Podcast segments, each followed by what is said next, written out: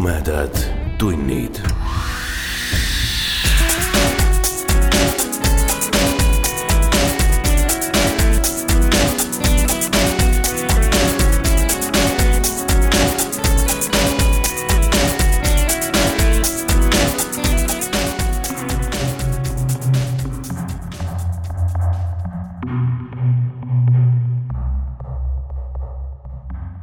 tere, hea ulmesõber. Sa hakkad kuulama Tumedad tunnid podcasti suvise järjejutu teist osa. nii et kui sattusid siia kogemata, siis mine veidi tagasi ja kuula, millest lugu alguse sai. ma loen teile teise osa HP Lovecrafti õudusloost Vari Innsmouthi kohal.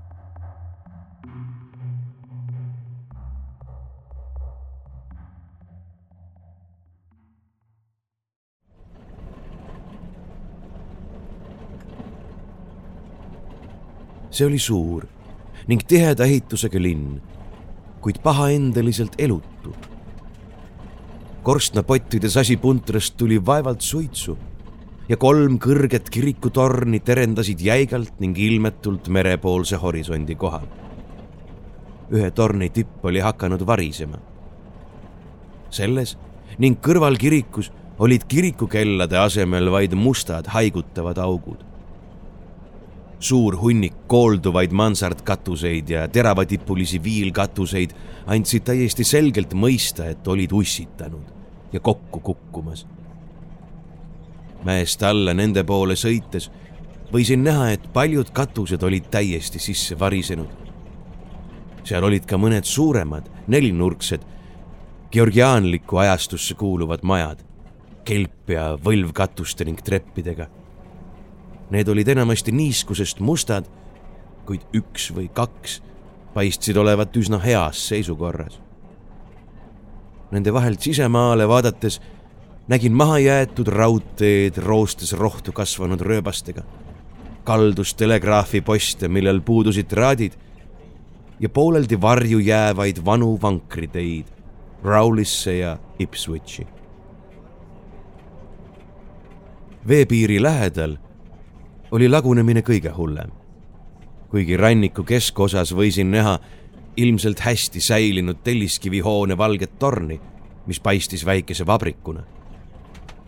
enamjaolt liivaga ummistunud sadamat varjas igivana kivimuul, millel suutsin eristada mõne istuva kalamehe väikesi kogusid ja mille lõpus oli midagi, mis paistis olevat mahajäetud majakas selle tõkke taha olid kogunenud liivaluited ja nende peal nägin mõningaid igerikke onne, ankrus seisvaid kaluripaate ja räbaldunud vähimõrdu.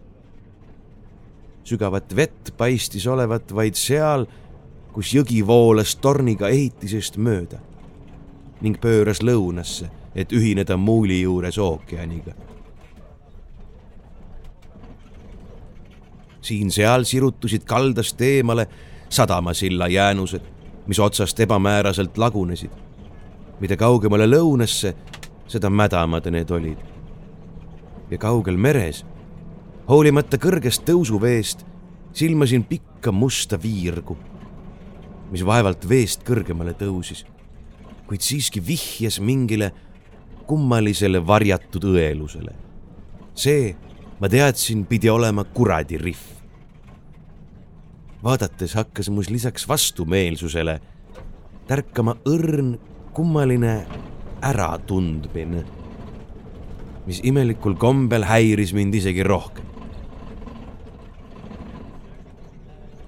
teel ei kohanud me kedagi, kuid viimaks hakkasime mööduma erinevates varisemisastmetes taluhoonetest.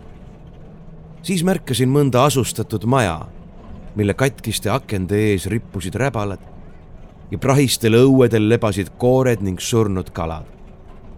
kord või kaks nägin loiu ilmega inimesi, kes töötasid viljatutes aedades või kaevasid all kalahaisulisel rannal merikarpe ja räpaseid ahvi sarnaseid lastekampu, kes mängisid rohtu kasvanud lävepakkudel. kuidagi paistsid need inimesed rohkem rahutuks tegevad kui sünged hooned, sest peaaegu igaühe näos oli teatud eripäraseid jooni ning ilmeid, mis mulle vaistlikult ei meeldinud. sest ma ei suutnud neid määratleda või mõista. hetkeks kujutlesin, et olin näinud niisuguseid jooni mingil pildil, võib-olla raamatus, olles hirmunud või melanhoolne, kuid see pseudo äratundmine kadus väga kiiresti.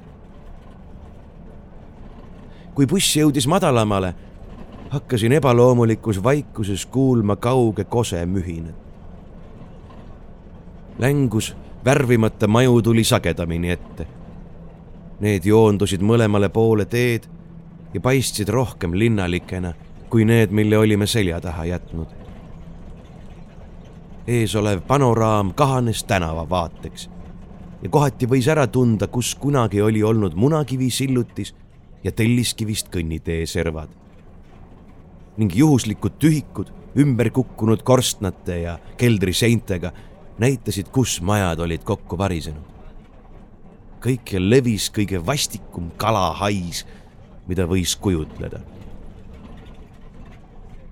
varsti hakkasid ilmuma ristteed ja tänavad. vasakpoolsed kaldale viivad teed olid sillutamata, räpased ja lagunenud. Parempoolsed paistsid mahajäetult suursugustena selle ajani polnud ma näinud linna keskosas ühtki inimest kuid nüüd ilmnesid märgid hõredast asustusest. siin-seal kardinatega aknad ja juhuslik mõlkis auto teeservas. sillutis ja kõnniteed muutusid paremini märgatavateks ja kuigi paljud majad olid üsna vanad, üheksateistkümnenda sajandi alguse puit- ja telliskivihooned, olid need silmnähtavalt elamiskõlblikud amatöör antikvaarina unustasin nende rikkalike muutmatute mineviku säilmete juures peaaegu täielikult vastiku lõhna ja hädaohutunde ning vastumeelsuse. kuid enne sihtpunkti jõudmist pidin tundma veel korra teravat ebameeldivust. Buss oli jõudnud mingisuguse avaliku kogunemispaiga või tähtsa koha juurde, mille kahel küljel seisid kirikud ja keskel asusid ümmarguse muruplatsi sõtkutud jäänused ja ma vaatasin parempoolse tänava otsas asuvat suurt sammastega koda.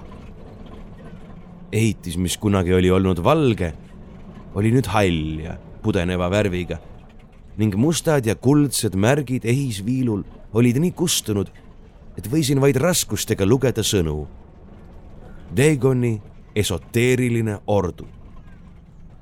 see oli siis kunagine vabamüürlaste maja mis oli nüüd antud alla käinud usulahule. kui ma tegelesin selle kirja dešifreerimisega, hõivas mu tähelepanu teisel pool tänavat asuva katkise kella kähe hääl ja ma pöördusin kiiresti, et vaadata välja minupoolsest bussiaknast. Hääl tuli jässakate tornidega kivikirikust, mis kuulus ilmselt hilisemasse aega kui enamik maju ja mis oli ehitatud kohmakalt gooti stiilis ning millel oli ebaproportsionaalselt kõrge vundament ning luugistatud aknad. kuigi minu vaateulatuses oleval seinakellal puudusid osutid, teadsin, et need kähedad löögid tähendasid kella üht-teist. siis unustasin maja, sest nägin midagi väga jubedat, mis haaras mind enne, kui taipasin, mis see tegelikult oli. kiriku uks oli lahti näidates sisemuses olevat mustavat nelinurka. sel hetkel ületas mingi kogu või paistis ületavat seda tumedat nelinurka, meenutades mulle hetkeks luupainajat. ja mis oli seda hullem, et, et järele mõeldes ei suutnud ma leida selles ühtki luupainajalikku joont. see oli elusolend, esimene peale bussijuhi, keda olin näinud linna keskosas ja kui oleksin olnud rahulikumas meeleolus, poleks ma leidnud selles midagi hirmutavat. taipasin hetk hiljem, et ilmselt oli see pastor, kes oli riietatud erilistesse kiriku rõivaisse, mis pärinesid kahtlemata sellest ajast, kui Daigoni ordu oli muutnud kohalikke kiriku rituaale. alateadlikult olin kõigepealt vaadanud tema kantavat kõrget tiaarat, see oli peaaegu täpne koopia sellest, mida Miss Tilton oli mulle eelmisel õhtul näidanud. Tiara pani mu kujutlusvõime tööle ja omistas ebamäärasele näole ning rüütatud looberdavale kogule mingeid pahelisi omadusi. varsti otsustasin, et polnud mingit põhjust, miks ma peaksin tundma seda veidrat mäletamise tunnet. kas polnud loomulik, et kohalik salapärane kultus pidi määrama oma vaimulike rõivaste juurde kuuluva ühtse peakatte, mida ühiskond mingil kummalisel viisil tuttavaks pidas võib-olla mingi aarde leiu mälestuseks. Kõnniteedel liikus nüüd ebameeldiva välimusega nooremat rahvast. üksikult ja väikeste kahe-kolmeliste seltskondadena.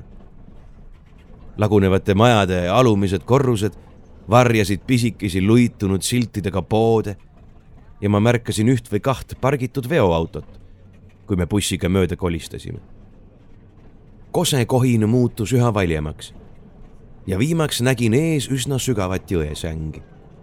Sellest üle viis lai raudsete käsipuudega maanteesild, mille taga avanes suur väljak. kui me sillast üle kolksusime, vaatasin kummalegi küljele ja märkasin rohtu kasvanud nõlval või pisut allpool mõningaid tehasehooneid. vesi kaugel all oli väga kärestikuline ja ma nägin kaht suurt koske ülesvoolu minust paremal ning vähemalt üht allavoolu minust vasakul.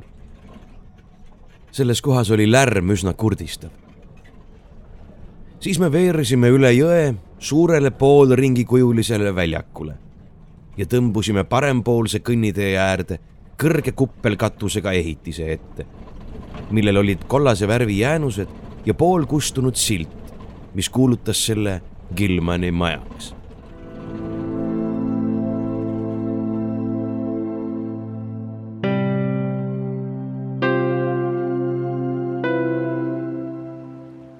Olin rõõmus bussist välja pääsedes ja läksin otsekohe viletsa hotelli vestibüüli, et sorida oma reisikotis.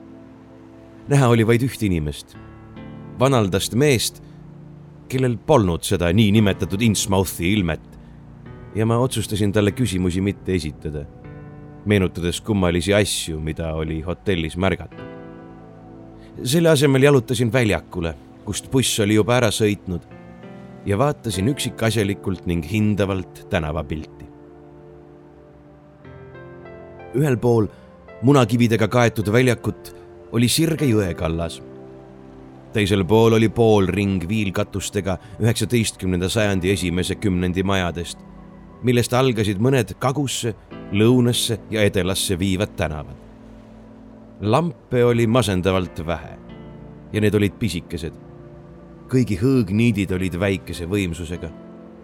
olin rõõmus, et pidin kava kohaselt lahkuma enne pimedust, kuigi teadsin, et sel ööl oli täiskuu. majad olid heas seisukorras ja nende hulgas oli ehk tosina jagu poodi, mis oli avatud Neist üks oli esimesse rahvuslikku kaubaketti kuuluv toidupood. järgnesid restoran, apteek ja kalakaupade hulgimüüja ning veel üks väljaku jõepoolses servas linna ainsa tööstusettevõtte Marshi kullatöökoja läheduses. näha võis umbes kümmet inimest ja mööda kolises neli-viis autot või veoautot. ma ei vajanud selgitust, et see on Innsmouthi keskus idas võisin näha sadama siniseid vilksatusi, mille vastas kerkisid kunagi ilusa georgiaanliku kiriku lagunevad jäänused. Ja kalda lähedal jõe teisel kaldal nägin valget kellatorni, mis kõrgus hoone kohal, mida pidasin Marshi töökojaks. mitmel põhjusel valisin oma esimeseks küsitluskohaks kaupluse keti, mille personal polnud ilmselt Innsmouthist pärit leidsin sobiva küsitlusobjekti üksiku umbes seitsmeteistkümne aastase poisi. ja olin rõõmus, nähes taibukust ning sõbralikkust, mis lubasid lahket infot. ta paistis eriti jutukas olevat ja taipasin varsti, et talle ei meeldinud see koht, kalalõhn ja salapärased asukad.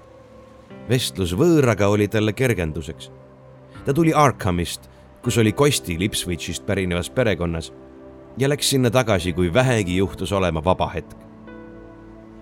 ta perekonnale ei meeldinud, et ta töötas Innsmouthis, kuid kaupluse kett oli ta sinna suunanud ja ta ei tahtnud tööst ilma jääda. Innsmouthis polnud, nagu ta ütles, avalikku raamatukogu või tööstuskoda, kuid linnast tee leidmine polnud raske. tänava nimi, millelt ma tulin, oli Liitumise. sellest läänes olid ilusad vanad tänavad, Lai, Washingtoni, Lafayette'i ja Adamsi ning idas olid kaldaäärsed uberikud. Nende uberike keskel, Piki peatänavat, võisin leida vanu georgiaanlikke kirikuid, kuid nad olid kõik ammu maha jäetud. parem, kui ma ei jätaks endast selles ümbruses kahtlast muljet, eriti jõe põhjakaldal, sest siinsed elanikud olid sünged ja vaenulikud. mõned võõrad olid isegi jäänud teadmata kadunuiks teatud kohad olid isegi peaaegu keelatud territooriumiks, nagu ta oli märkimisväärse hinna eest teada saanud. ei tohi näiteks palju hulkuda Marshi töökoja läheduses või mõne ikka veel kasutuses oleva kiriku ümbruses või Dagoni ordu laguneva hoone juures New Church Greenil. Need kirikud olid väga kummalised. kõiki neid eitasid ägedalt teised auväärsed ümbruskonna kirikud ning ilmselt kasutasid nad kõige veidramaid tseremooniaid ja kirikurõivaid. Nende usutunnistus oli heterodoksne ja salapärane, sisaldades vihjeid mingitele imepärastele transformeerumistele, mis viivad teatud kehalisele surematusele selles ilmas. noormehe enda pastor, doktor Wallis Asbury kirikust äh, Arkhamis oli tõsiselt hoiatanud teda Innsmouthi kirikute külastamise eest mis puutus Innsmouthi elanikesse, noormees teadis vaevalt, mida neist arvata. Nad olid sama vargsed ja harva nähtavad nagu urus elavad loomad. ja võis vaevalt kujutleda, kuidas nad veetsid aja, mil nad põgusalt ei kalastanud. võib-olla otsustades tarbitava salapiirituse hulga järgi, lamasid nad suurema osa päevast alkoholi uimas Nad paistsid olevat mingis sünges sõprus- ja mõistmisliidus, põlates maailma. nagu oleks neil ligipääs asjade teistele ja parematele olemustele. Nende välimus, eriti nende jõllitavad pilkumatud silmad, mis kunagi ei paistnud sulguvat, oli kindlasti küllalt hirmutav. ja neil olid vastikud hääled. oli kohutav kuulda neid oma kirikutes öösiti palvetamas eriti nende peamiste festivalide või uuesti sünnipühade ajal, mis toimusid kaks korda aastas, kolmekümnendal aprillil ja kolmekümne esimesel oktoobril. Neile meeldis väga vesi ja nad ujusid palju nii jões kui meresadamas. ujumisretked Kuradi rihvile olid väga tavalised ja kõik näha olevad linnaelanikud paistsid suutvat sellest raskest spordist osa võtta kui nüüd mõtlema jääda, olid vaateväljas enamasti vaid üsna noored inimesed. ja vanimad paistsid olevat kõige veidrama välimusega. kuigi tuli ette erandeid, kellel polnud üldse märke kõrvalekalletest, nagu vanal hotelliametnikul. võis mõtelda, et mis sai suuremast osast vanemast rahvast. ja kas Innsmouthi välimus polnud mitte kummaline ja kurikaval haigus mis süvenes aastate möödudes. muidugi võis ainult väga harva esinev haigus kaasa tuua pärast inimese täisikka jõudmist niisuguseid ulatuslikke ja radikaalseid anatoomilisi muutusi nagu koljukuju teisenemine. ja mis oli vaid üks kummalise ja ennekuulmatu haiguse ilmnemisviis. oleks raske, väitis nooruk, teha selle juhtumi kohta mingeid õigeid järeldusi sest keegi ei saanud kunagi kohalikke isiklikult tundma õppida, hoolimata sellest, kui kaua ta Innsmouthis elas. nooruk oli kindel, et paljud nähaolevatest veel hullema välimusega olevused elasid luku taga mõnes majas. inimesed kuulsid mõnikord kõige kummalisemaid hääli. arvati, et vankuvad veeäärsed kuurid jõe põhjakaldal olid ühendatud salatunnelitega ning kubisesid seninägematute väärarengutega elanikest. missugune võõrapärane veri, kui seda oli, neis olendeis voolas, oli võimatu ütelda. vahel viisid nad eriti eemale tõukavaid isendeid linnast välja, kui sinna ilmusid valitsuse ametnikud ja teised välismaailma tegelased. Polnud mingit mõtet, ütles mu teabeallikas, pärida kohalikelt midagi selle paiga kohta. Ainus, kes võis midagi rääkida, oli väga vana, kuid tavalise välimusega mees, kes elas viletsas majas linna põhjapiiril ja veetis oma aega ringi kõndides või tuletõrjejaama ümber hulkudes. see hallipäine mees, Zadok Allan, oli üheksakümmend kuus aastat vana ja pisut nupust nikastanud, peale selle, et ta oli linnajoodik. Ta oli kummaline vargne olend, kes pidevalt vaatas üle õla nagu kardaks midagi. ja kui oli kaine, siis ei pannud teda miski võõrastega rääkima ta ei suutnud siiski vastu panna, kui keegi pakkus talle tema lemmikmürki. ja juba purjus olles võis sosinal kirjeldada kõige kummalisemaid üksikasju. siiski oli temalt kuuldud juttudes vähe kasulikku, sest need olid kõik hullumeelsed, ebatäpsed vihjed võimatuile imedele ja õudustele, millel ei saanud olla muud allikat peale ta enda haiglase kujutlusvõime. keegi ei uskunud teda kunagi kuid kohalikele ei meeldinud, kui ta jõi ja rääkis võõrastega. ning võis olla ohtlik, kui keegi nägi sind temaga rääkimas. tõenäoliselt pärinesid just temalt mõned kõige metsikumad kuulujutud ja eksiarvamused. Ka mõned teised tavalise välimusega asukad olid aeg-ajalt nähtud koledustest rääkinud, kuid kõige suuremaiks kuulujuttude tekitajaiks olid vana Sadoki jutud ja kohalik ebaharilik välimus. keegi võõrastest ei käinud kunagi öösel väljas, sest laialt oli levinud arvamus, et seda pole tark teha. pealegi olid tänavad vastikult pimedad. mis puutub ärisse, siis kalarohkus oli kindlasti peaaegu imepärane, kuid kohalikud kasutasid seda üha vähem ära pealegi olid hinnad langemas ja konkurents kasvamas muidugi oli linna peamine tööstusettevõte Kullatöökoda, mille kontor asus väljakul, kus me seisime. meist vaid mõned uksed ida pool.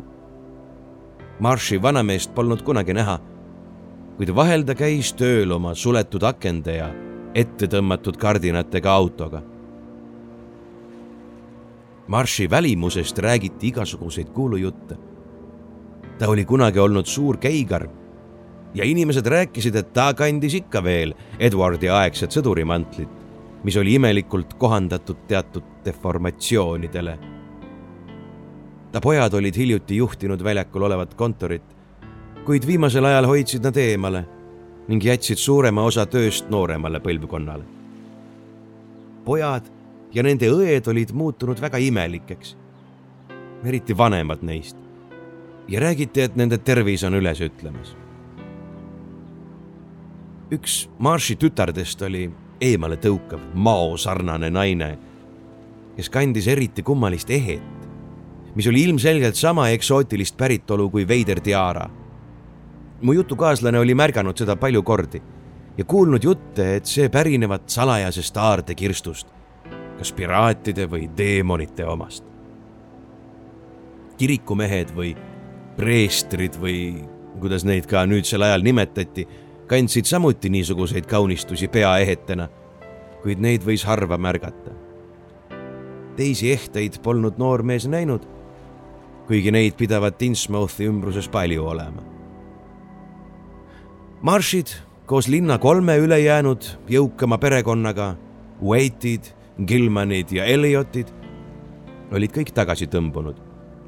Nad elasid tohututes majades Washingtoni tänaval ja mõnest neist räägiti, et nad majutavad salaja teatud rahvast, kelle välimus ei sobinud avalikuks näitamiseks ning kes olid ametlikult surnuks kuulutatud. hoiatanud mind, et paljud tänavasildid on maha tulnud, joonistas nooruk minu jaoks rohmakalt, kuid suurelt ja hoolikalt linna peamiste tänavate kaardi. pärast hetkelist vaatamist olin kindel, et sellest oleks palju kasu ja panin selle paljude tänusõnade saatel taskusse. mulle ei meeldinud ainsa nähtud restorani räpasus, seetõttu ostsin suure hulga juustuküpsiseid ja ingverivahvleid, mida võisin hiljem lõunaks süüa. otsustasin minna mööda peatänavaid, rääkida kõigi mittekohalikega, keda kohtan ja jõuda kella kaheksasele Arkhami bussile. linn oli, nagu nägin, märkimisväärne ja ülemäärane näide ühiskonna allakäigust. aga ma polnud sotsioloog, seepärast tegin tõsisemaid järeldusi vaid arhitektuuri kohta niimoodi alustasin oma süstemaatilist, kuid ootamatute kõrvalpõigetega rändu mööda Innsmouthi kitsaid varjulisi tänavaid. ületasin silla ja pöördusin madalamate koskede möirge suunas. siis möödusin lähedalt Marshi kullatöökojast, mis paistis olevat kummaliselt vaba tööstuslärmist. see ehitis seisis järsul jõe kaldal, silla ning tänavate ristumiskoha lähedal see risttee paistis olevat vana linnakeskus, mida asendas pärast revolutsiooni praegune linnaväljak. Uuesti ületasin jõe mööda Peatänava silda ning jõudsin täiesti mahajäetud piirkonda, mis oli kuidagi kurjakuulutav. hulk varisevaid kambrel katuseid moodustasid hambulise ja fantastilise taevajoone mille kohale kerkis kummituslikult torni tiputa iidse kiriku torn. mõned majad pikid peatänavat olid asustatud, kuid enamik oli tihedalt laudadega kinni löödud. sillutamata kõrvaltänavatel nägin mahajäetud hurtsikute musti haigutavaid aknaid. paljud onnid seisid ohtlike ja kirjeldamatute nurkade all kohati olid vajunud ka vundamendid. Nende aknad vahtisid nii tontlikult, et see võttis mult julguse pöörduda itta veepiirile. Kindlasti suureneb hirm, mida tekitab mahajäetud maja pigem geomeetrilises kui aritmeetrilises progressioonis. kui nendest majadest moodustub sünge mahajäetud linn vaatepilt lõpututest avenüüdest, mis paistsid kalasilmselt tühjade ja surnutena ning mõte paljudest mustadest kurja kuulutavatest elupaikadest, mis on jäetud ämblikuvõrkudele ja mälestustele ja võidutsevatele vakladele, tekitab alateadlikku hirmu ja vastumeelsust, mida isegi kõige tugevam filosoofia ei suuda peletada. Kala tänav oli sama maha jäetud kui peatänavgi, kuid erines sellest, sest seal olid paljud telliskivist ja kivist laohooned ikka veel suurepärases seisukorras. Veetänav oli peaaegu koopia sellest, kuid kokku varisenud sadamasildadega. ma ei näinud ainsatki elusolendit peale üksikute kalameeste kaugel muulil ja ei kuulnud ainsatki häält peale tõusuvee laksumise ning ma nükseti kaugete koskede müha. linn hakkas mulle üha rohkem närvidele käima ja ma vaatasin vargsi selja taha, kui otsisin teed üle vankuva Vee tänava silla. Kala tänava sild oli minu plaani järgi varem etes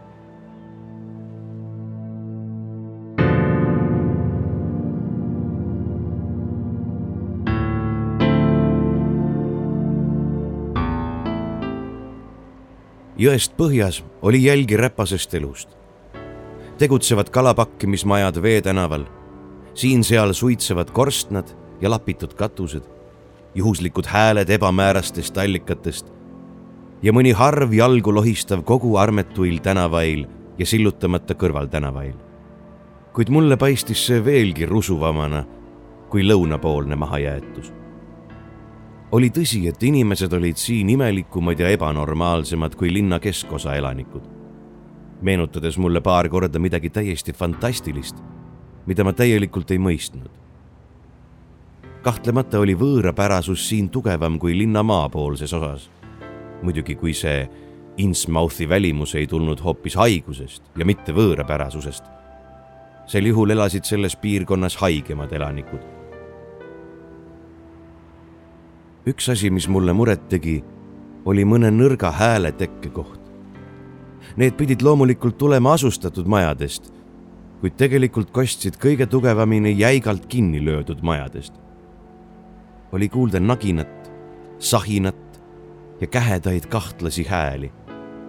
ning ma mõtlesin rahutult neist peidetud tunnelitest, millest oli rääkinud kaupluse poiss.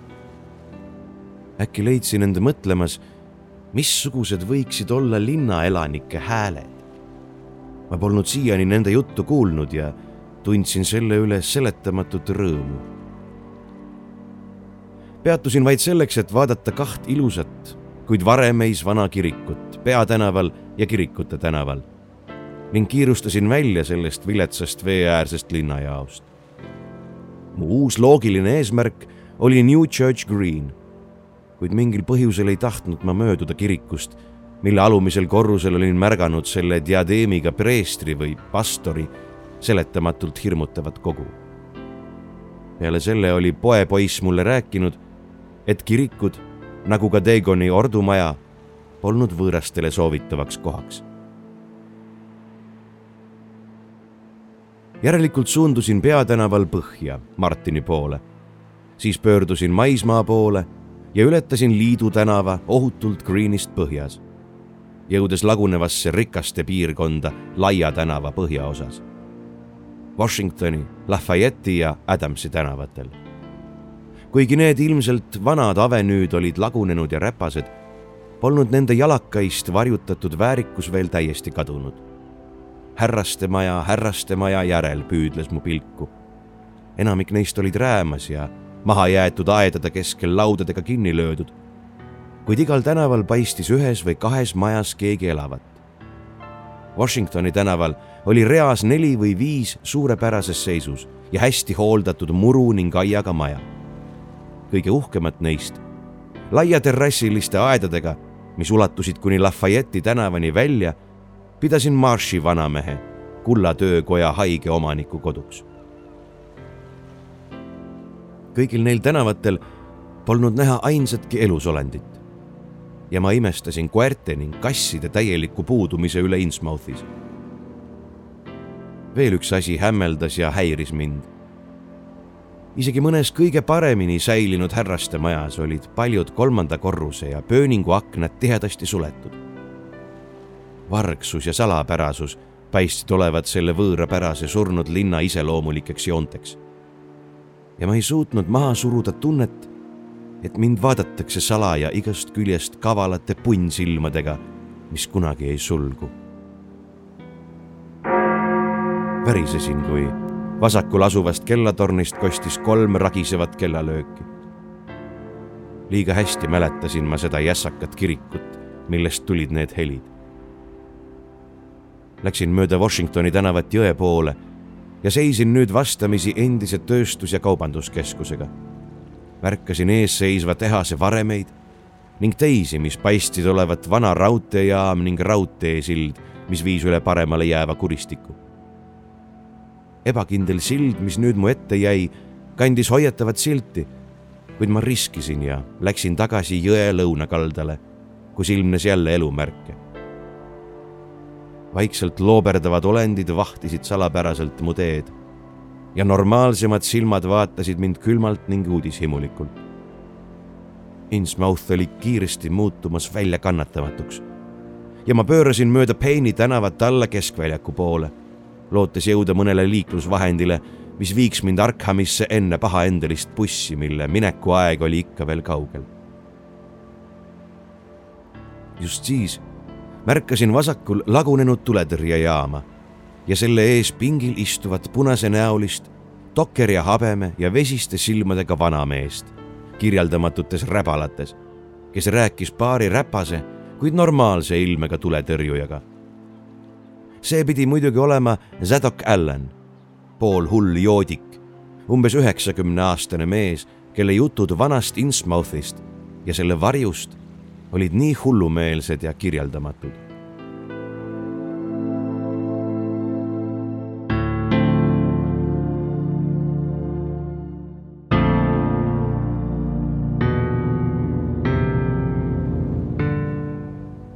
see pidi olema mõni loomuvastane kurat. Või mõni pilkav tõmme tumedatest varjatud allikatest, mis pani mind nii plaane muutma, nagu ma seda tegin. olin kaua aega tagasi otsustanud piirata oma vaatlusi vaid arhitektuuriga ja sel ajal olin just kiirustamas keskväljakule, et saada kiiresti välja sellest kõdunevast surma ja allakäigu linnast. kuid vana Zadok Alleni nägemine tekitas mu peas uusi mõtteid ja pani mind ebakindlalt sammu aeglustama. mulle oli kinnitatud, et see vana mees ei tee muud, kui räägib metsikuid, seosetuid ja kirjeldamatuid legende. ja mind oli hoiatatud, et kohalikud muudavad temaga rääkimise ohtlikuks. kuid mõtted sellest vanast linna allakäigu tunnistajast, kelle mälestused ulatuvad laevade ja tehaste algusaegadesse, oli ahvatlus millele terve mõistus ei suutnud vastu panna. pealegi olid kõige kummalisemad ja hullumeelsemad müüdid sageli vaid tõel põhinevad sümbolid või allegooriad. ja vana Zedok pidi olema näinud kõike, mis Innsmouthis viimase üheksakümne aasta jooksul sündis. uudishimu võitis mõistlikkuse ja ettevaatuse. ning oma nooruslikus isekuses kujutlesin, et suudan eraldada tõelise ajaloo tuuma eriskummalisest jutuvoolust, mida võisin tõenäoliselt kange viski abil saavutada. teadsin, et ei saanud teda seal ja otsekohe küsitleda, sest tuletõrjujad märkaksid seda ja oleksid kindlasti selle vastu. selle asemel otsustasin, et varun endale natuke salapiiritust kohast, kus poepoisi jutu kohaselt seda palju oli siis võisin hooletult tuletõrjejaama läheduses ringi luusida ja kõnetada vana sädokit pärast seda, kui ta on läinud oma sagedastele ringkäikudele. noormees oli öelnud, et ta oli väga rahutu, istudes harva jaama lähedal rohkem kui tund või kaks korraga.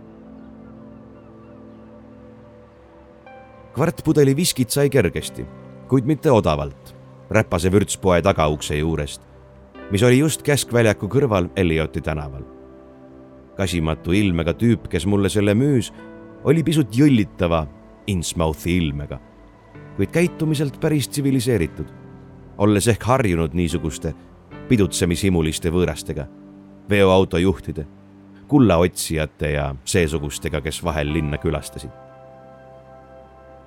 uuesti väljakule jõudes nägin, et mul oli õnne, sest märkasin Gilmani maja juures lohinal Peini tänavale pööramas ei kedagi muud kui Sadok Allani enda pikka kõhna räbaldunud kogu. plaani kohaselt püüdsin ta tähelepanu ostetud pudelit kummutades ja märkasin varsti, et ta oli hakanud mul innukalt järel käima, kui pöördusin Waiti tänavale, et jõuda kõige inimtühjemasse kohta, mida teadsin. olin seadnud oma suuna poepoisi joonistatud kaardi järgi ning suundusin lõunapoolsele, täiesti mahajäetud merepiirile kus olin hiljuti olnud. ainsad vaateväljas olevad inimesed olid kaugel muulil istuvad kalamehed. ja mõned kvartalid lõunas polnud neid enam näha. seal võis leida paar istekohta mõnel mahajäetud paadisillal, kus saaks mõnda aega jälgimatult Sadok Allanit küsitleda. enne peatänavale astumist kuulsin selja tagant nõrka ja puhkivat hüüet. hei, mister ja lubasin viimaks vanal mehel järele jõuda ning võtta kvart pudelist külluslikud suutäied. laastatud ümbruskonnas ja hullumeelselt längus varemete vahel ringi jalutades hakkasin küsitluskombitsaid välja sirutama. kuid leidsin, et vana keel ei lõdvene nii ruttu, kui olin lootnud. viimaks nägin mere ääres rohtu kasvanud platsi, millest sirutus merre mullast ja tsemendist sadamasild vee lähedal olevad samblased kivivirnad paistsid sobivaks istepaigaks ja meid varjas võimaliku vaataja eest põhjas asuv Varemeis kaubaladu. siin, mõtlesin ma, oleks ideaalne koht pikaks ja salajaseks vestluseks. nii et juhtisin oma kaaslase tänava lõppu ja leidsin kohad, kus saime samblastele kividele istuda.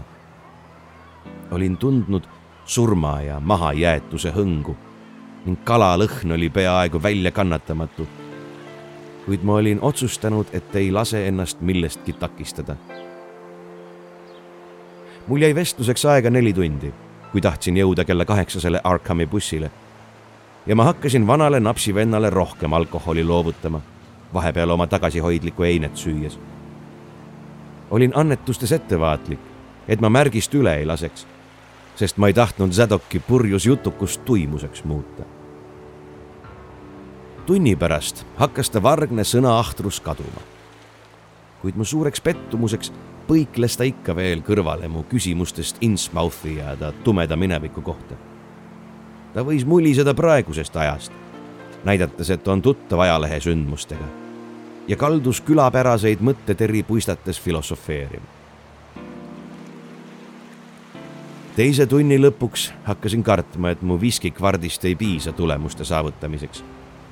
ja kaalutlesin, kas mul poleks parem Sadokist lahkuda ja minna uut hankima kuid just siis lahendas juhus olukorra, mida mu küsimused polnud suutnud. ja vanamehe kähisev pomin võttis pöörde, mis pani mind ettepoole nõjatuma ja tähelepanelikult kuulama.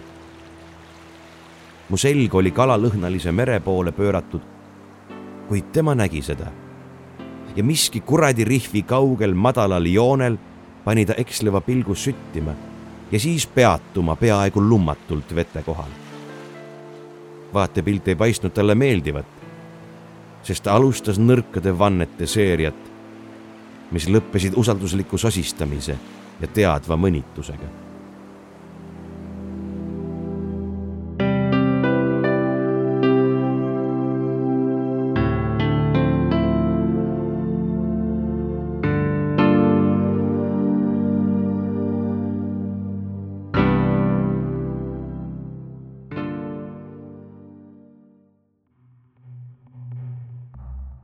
Te kuulsite teist osa HP Lovecrafti õudusloost Vari Innsmouthi kohal.